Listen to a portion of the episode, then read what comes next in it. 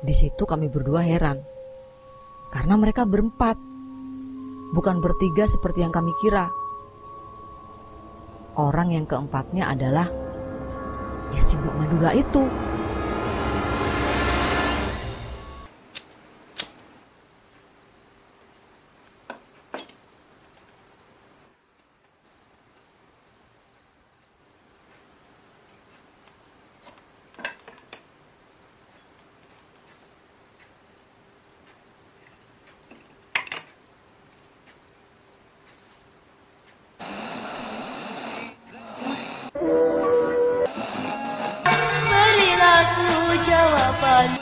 Selamat datang di podcast Kopi Hitam.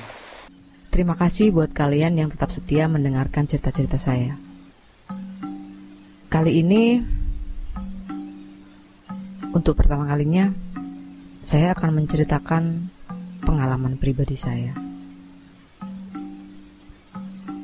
Ini pengalaman yang saya alami di tahun sekitar tahun 98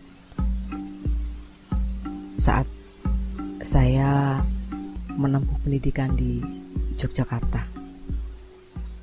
Pengalaman saya ini saya beri judul Rumah Kos di Jogja. Oke, saya akan mulai cerita saya. Tahun 98 saya menempuh pendidikan fotografi di Yogyakarta. Tiga bulan pertama saya menempati kamar kos di daerah perempatan Tungkak antara Jalan Taman Siswa dan Jalan Kolonel Sugiono. Kamarnya kecil, ukuran 2 kali dua setengah meter. Kecil banget kan? Tapi sewanya lumayan murah, murah banget bahkan. Cuma 25.000 per bulan. Di zaman itu itu udah murah banget. Rumah kos itu menyatu dengan ibu kos, cuma dibatasi pintu dapur si ibu kos. Kamar-kamarnya ada enam, dua di bawah dan empat di lantai dua. Kamar mandi, tempat cuci, dapur dan ruang tamu ada di bawah. Lantai bawah dihuni saya dan salah satu teman dari Wonosobo. Sementara lantai atas dihuni satu teman dari Madura, satu teman dari Jawa Barat, satu dari Wonosobo. Dia ini tetangganya teman yang ada di sebelah saya, di kamar sebelah saya. Dan satu lagi dari Lampung, sama seperti saya. Cuman dia dari Kecamatan Pringsewu. Dari keenam penghuni tadi, cuma mbak yang dari Madura yang penghuni lama. Sisanya penghuni baru. Sama seperti saya. Awal-awal tinggal di sana, kami nggak menyadari kalau ada yang salah dengan kos-kosan itu. Sering tengah malam saya mendengar suara orang mandi atau mencuci. Saya pikir itu teman-teman saya. Maklum, Jogja kan kota yang nggak pernah mati. Jadi wajar kalau malam-malam mereka masih beraktivitas. Pikir saya waktu itu. Masuk bulan kedua, satu-satunya teman di kamar bawah nggak pernah lagi tidur di bawah. Kalau malam dia pindah ke lantai atas tidur sekamar dengan tetangganya itu.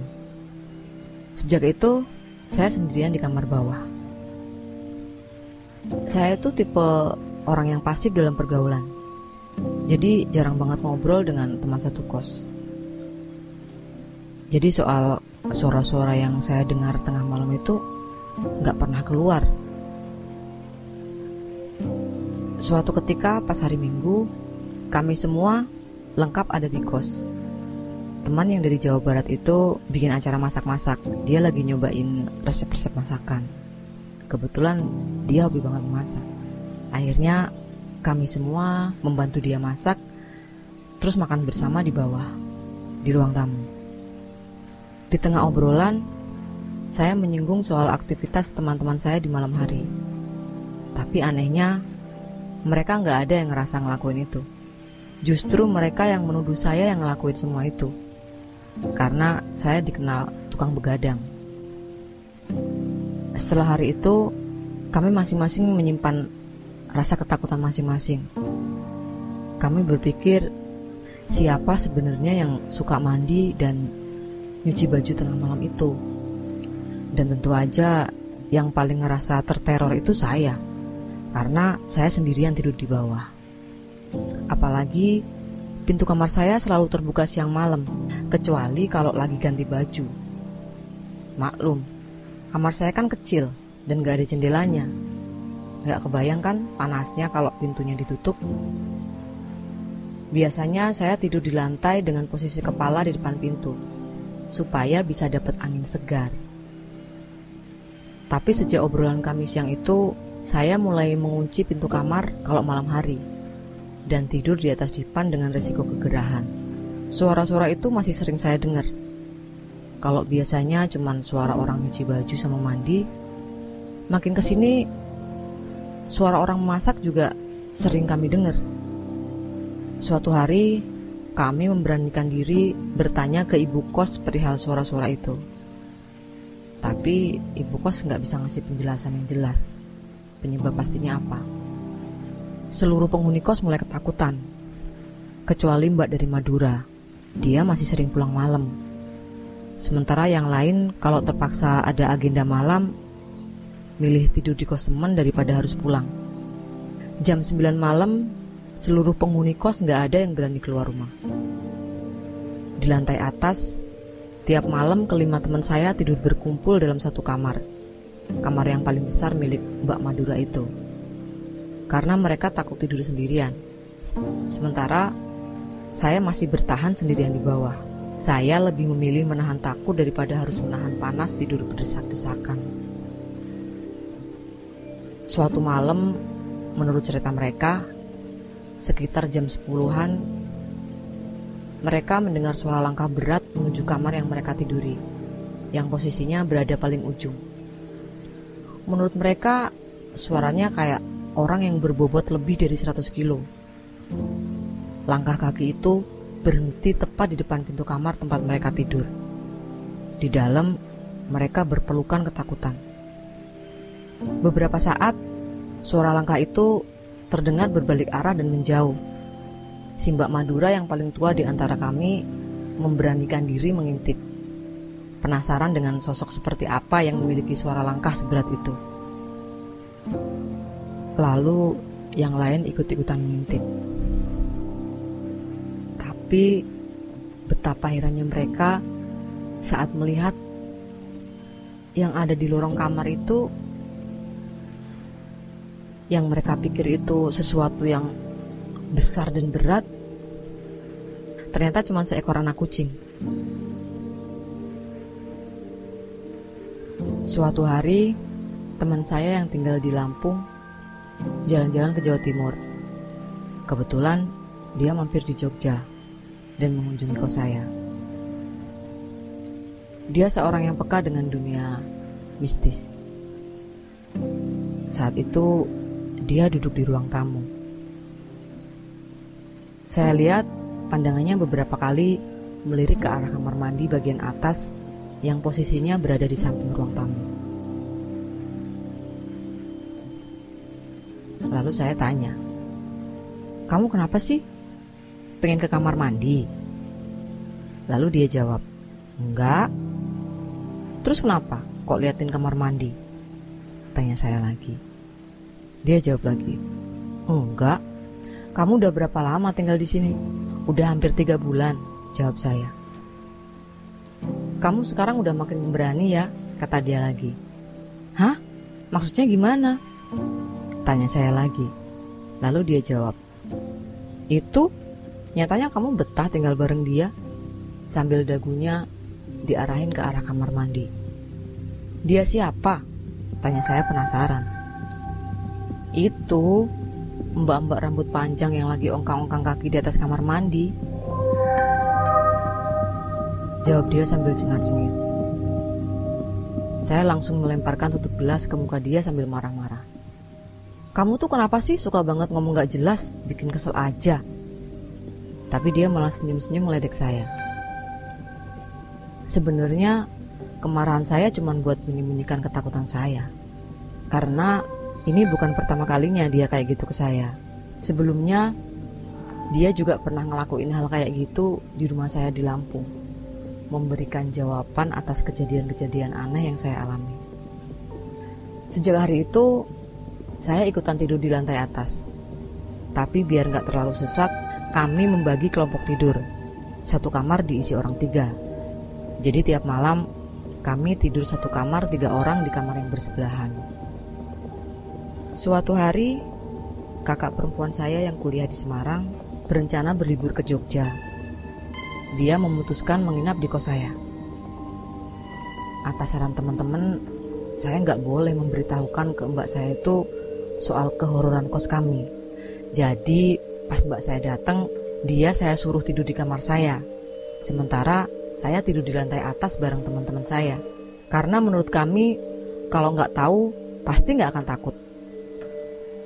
Mbak saya nggak keberatan tidur sendirian di bawah apalagi tahu betapa sempitnya kamar saya.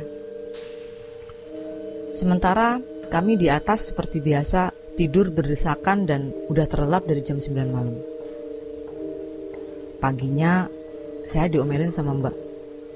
Katanya, kalian di atas ngapain aja sih? Tengah malam bukannya tidur malah bikin ribut. Aku sampai gak bisa tidur. Tentu aja saya kaget. Waduh, padahal kami kan tidur dari jam 9 malam. Tapi saya nggak mau mbak saya ketakutan.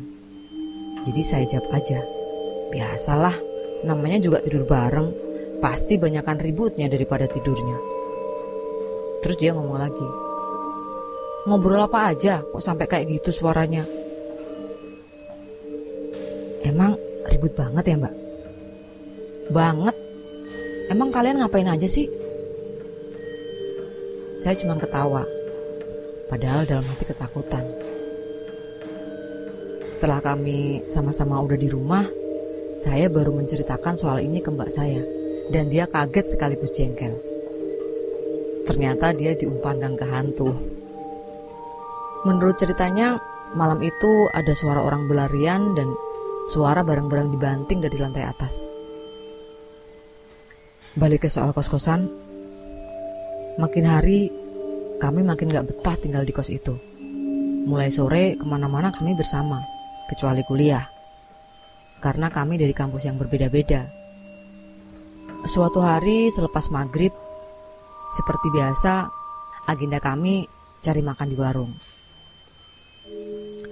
Tiga teman saya udah keluar dari sore. Seingat kami, di kos masih ada tiga orang.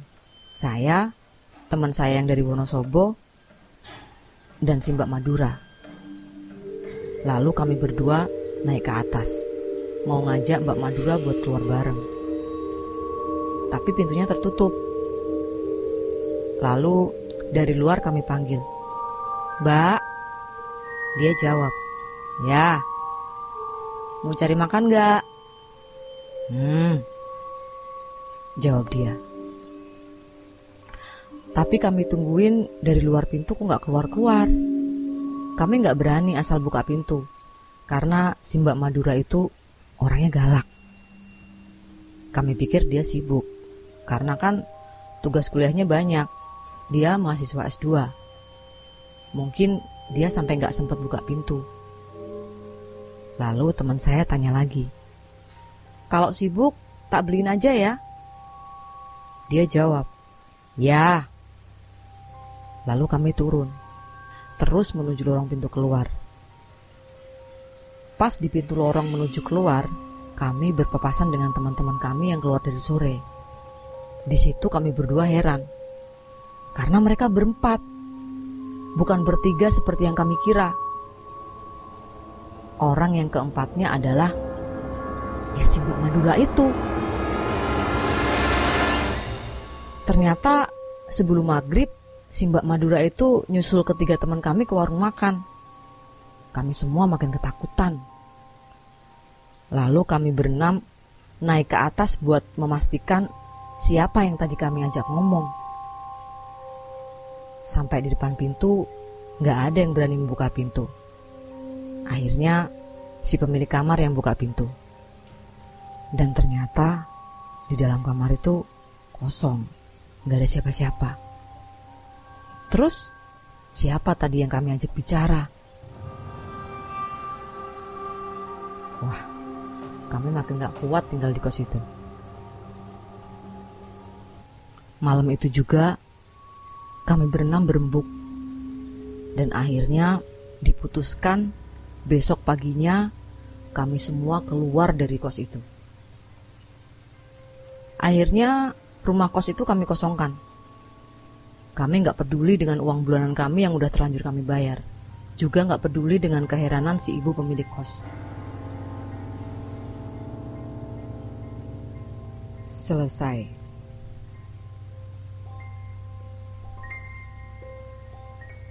Sebenarnya pengalaman horor yang saya alami di kota Jogja bukan cuma satu sih.